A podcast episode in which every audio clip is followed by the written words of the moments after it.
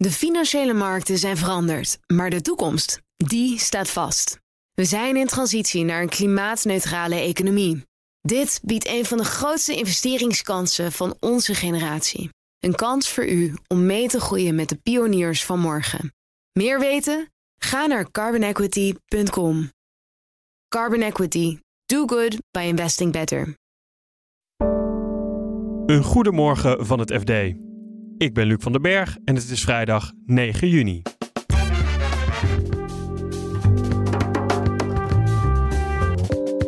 Pinkbank krijgt een boete van een half miljoen euro. Ja, ze hebben producten verkocht, ingewikkelde beleggingsproducten, risicovolle beleggingsproducten, aan beleggers die daar eh, misschien uh, niet zoveel uh, verstand van hebben. Tennet moet het net in balans houden en dat kost de consument geld. Uh, waar je een aantal jaren geleden misschien 30 euro kwijt was per jaar, dat dat inmiddels 120 euro is. En economische groei zonder milieuschade is volgens ontgroeiers onmogelijk. Elke vorm van economische groei leidt uiteindelijk tot milieudruk.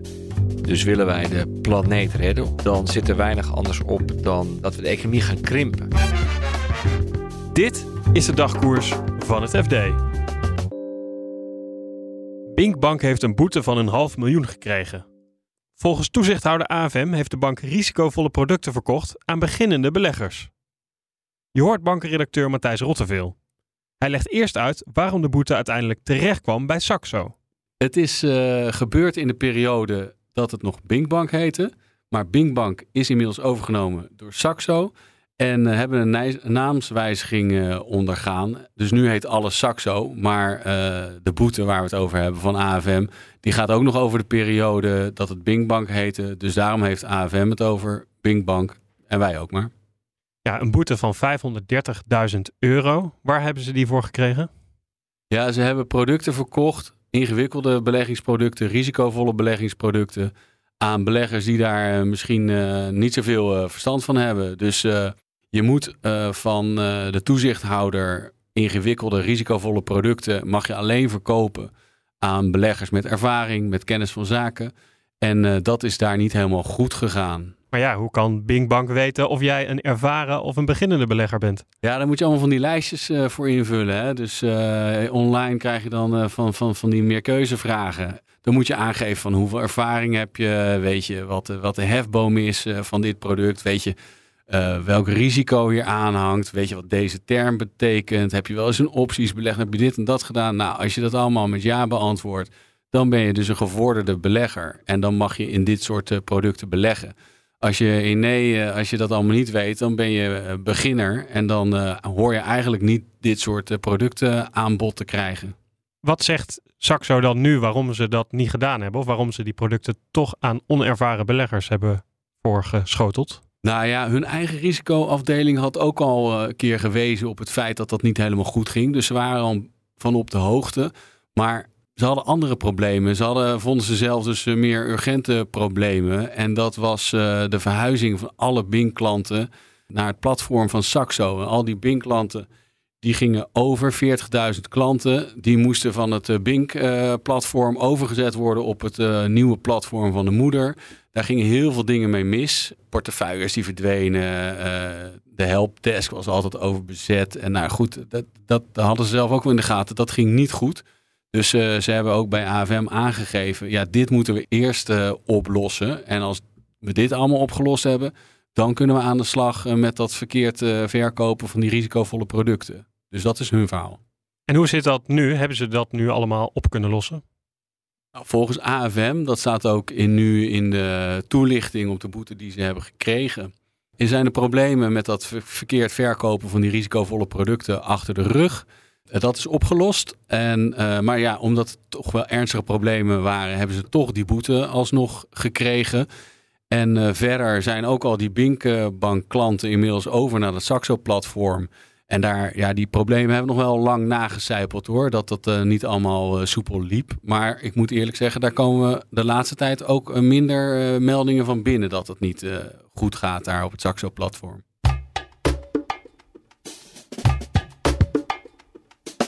Netbeheerder Tennet moet steeds vaker noodvermogen inroepen om het elektriciteitsnet in evenwicht te houden. Energieredacteur Bert van Dijk vertelt hoe het kan dat het net uit balans raakt. Nou ja, dat komt eigenlijk omdat we steeds meer hernieuwbare energie aansluiten. Dus, um, en hernieuwbare energie betekent vooral windmolens, windparken en, uh, en zonnepanelen. En die zijn ja, allebei afhankelijk van het weer. Dus daarmee wordt het moeilijker om uh, ja, voor een dag vooruit uh, precies de verwachte vraag en uh, productie te schatten. Ja, daardoor raakt dat net steeds vaker in onbalans. En dan moeten de maatregelen worden genomen. Ja, wat zijn die maatregelen? Wat doet Tennet op zo'n moment?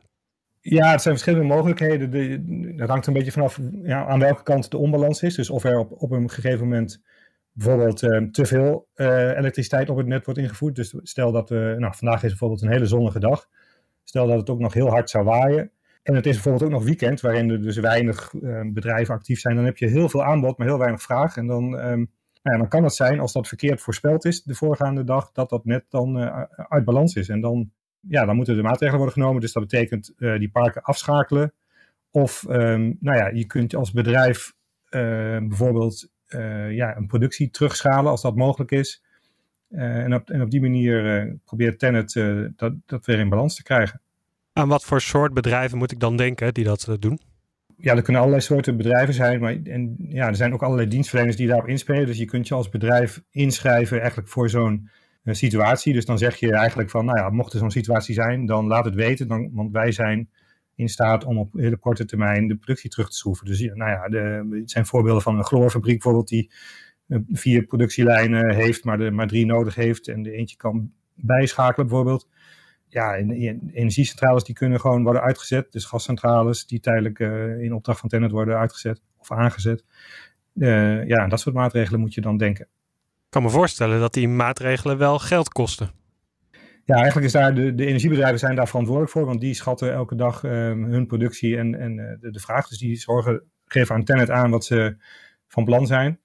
En als dat niet uitkomt, ja, dan zijn zij in principe verantwoordelijk en moeten ook de kosten dragen. Dus daar, ja, daar, daar houden zij rekening mee. Dus daar uh, berekenen ze ja, premies voor. Uh, en die worden uiteindelijk gewoon doorberekend uh, aan de klanten, dus ook aan, aan, jou en mij. En hoeveel kost dat ons dan extra? Ja, die bedrijven zelf geven daar geen inzicht in. Ehm, althans, geen details, laat ik het zo zeggen. Kijk, um, Vattenfall zegt onder andere dat die premies verviervoudigd zijn. Maar ja, dan weten we eigenlijk nog niet zoveel. Maar met behulp van een expert, en dat hebben we ook getoetst bij die bedrijven, en die zeggen dat dat wel redelijk eh, in de buurt ligt, dan moet je denken, uh, nou ja, dat je dus, uh, waar je een aantal jaren geleden misschien 30 euro kwijt was per jaar, dat dat inmiddels 120 euro is, wat je alleen betaalt, zeg maar, voor die, die onbalanspremies. Dus dat is gewoon los van de netwerkkosten, van de, de ODE, van de belastingen, van de daadwerkelijk energieverbruik. Dus 120 euro is alleen voor, ja, voor een gemiddeld huishouden wat die kwijt is aan het in balans houden. Hoe gaan energiebedrijven dit in de toekomst oplossen? Dat dit, nou ja, dat dit misschien niet meer nodig is?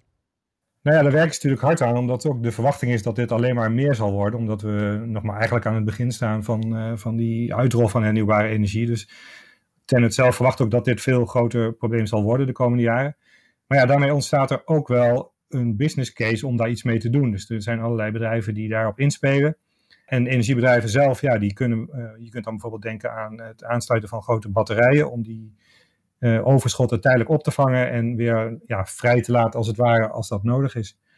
Maar goed, ja, er zijn heel veel aanvragen voor, maar ook daar, het net is vol en kosten zijn ook hoger dan in andere landen. Dus voor sommige bedrijven is dat heel lastig om dat op korte termijn te doen. Dus de verwachting is wel dat ja, die uitrol van hernieuwbare energie, dus dat, dat dat gaat veel sneller dan dat er daadwerkelijk oplossingen komen. Dus ja, dit zal de komende jaren zeker nog wel, uh, nog wel blijven knellen. Economisch succes wordt nog altijd afgemeten aan groei. Maar volgens aanhangers van de ontgroeibeweging laat je dan de donkere kanten, zoals klimaatverandering, daarvan weg. Redacteur macro-economie Marijn Jongsma vertelt wat deze beweging wil in plaats van economische groei. Ja, zij vinden dus eigenlijk dat groei niet gepaard kan gaan met een verbetering van het milieu. Of in ieder geval een voorkomen van verslechtering. Um, dus de ontgroeibeweging verzet zich een beetje tegen de, de optimisten, zou je kunnen zeggen. De groene groeiers. Die zeggen van ja, wij kunnen blijven groeien en onze economie verbeteren. Hè, groene groei. En de ontgroeibeweging zegt dat is onmogelijk, want elke vorm van economische groei leidt uiteindelijk tot milieudruk. Dus willen wij de planeet redden, om het zo maar een beetje ehm, plat te zeggen, dan zit er weinig anders op dan dat we echt een, naar beneden gaan met ons nationaal inkomen. Dus dat we, dat we de economie gaan krimpen. En dat staat natuurlijk haaks op, op al het beleid van overheden tot zover, die altijd gericht zijn om uh, ja, de welvaart uh, te vergroten. Zeg maar. Dat klinkt alsof we allemaal moeten gaan inleveren. Dat is geen fijne boodschap om te horen. Nee, dat uh, zou je zeggen. Ehm, daarom denk ik ook dat die ontgroeibeweging nooit massale aanhang zal krijgen. Maar hun stelling is van ja, het is niet zo dat als je uh, een, lager, uh, lagere materiële welvaart hebt, dat je dan, dat dan ook je welzijn lager is. Hè? Dus, dus ze zeggen eigenlijk wij, wij meten nu het succes van onze samenleving meten we af aan een maatstaf als het bruto binnenlands product. Hè? Dus, dus eigenlijk opgeteld alle productie die we hebben, het inkomen wat we samen verdienen. Maar ze kijken de brede na en zeggen van ja, nee, maar je moet ook kijken naar de natuur om ons heen. Uh, daar hebben we ook plezier van. En, en welzijn, geluk. Hè? Uh, klinkt misschien een beetje vaag, maar uh, ze zeggen ja, onze focus op groei zorgt ook voor een soort red race. waarbij mensen veel stress hebben, waar je burn-outs krijgt. En ook ongelijkheid tussen inkomensgroepen. En als je dat allemaal corrigeert, dan hebben mensen misschien minder materiële welvaart, minder consumptie van spullen, maar ze zijn toch gelukkiger. Minder productie betekent ook minder banen. Betekent dat dan ook dat er, dat er veel meer mensen thuis gaan zitten? Ja, dat is inderdaad uh, een goed punt. De vraag is natuurlijk hoe ga je over van een economie die, die groeit naar een economie die krimpt.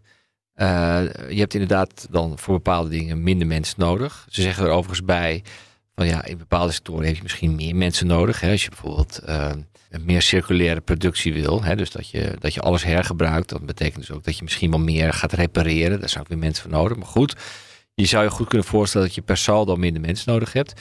Dan is het dus niet de bedoeling dat die, die mensen allemaal thuis gaan zitten, maar dat ze bijvoorbeeld parttime gaan werken. En dat een deel van hun uh, inkomen uh, vergoed wordt door de staat. Dus je, het, er zijn geen vast kant-en-klare spoorboekjes voor dit proces. Hè? Maar, je, maar je kunt je voorstellen dat je, dat je een soort situatie krijgt waar mensen wel wat minder gaan verdienen en ook minder gaan consumeren. Dus dan hebben ze ook minder geld nodig.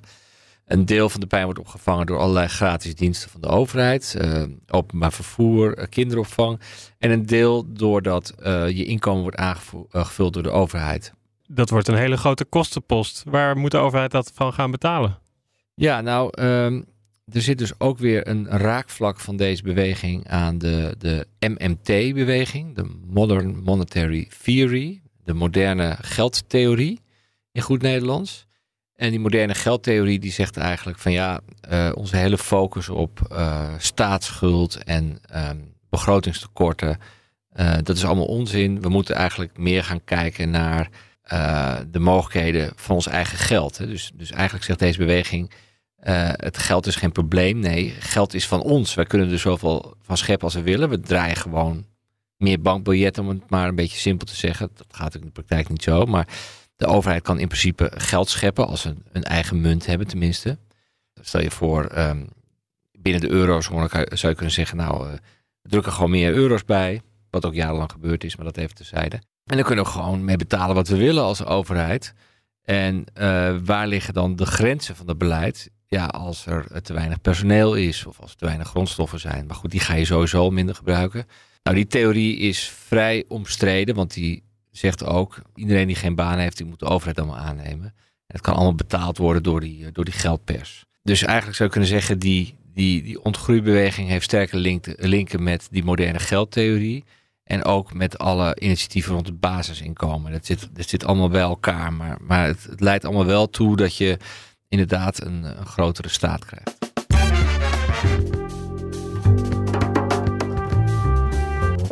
Dit was de dagkoers van het FD. Maandag zijn we er weer met een nieuwe aflevering. En morgen kun je hier luisteren naar onze weekendpodcast De Week Voorbij. Dit keer over kunstmatige intelligentie. Voor nu een hele fijne dag en graag tot maandag.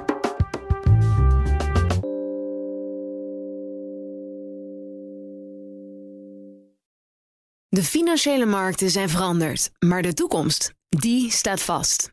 We zijn in transitie naar een klimaatneutrale economie.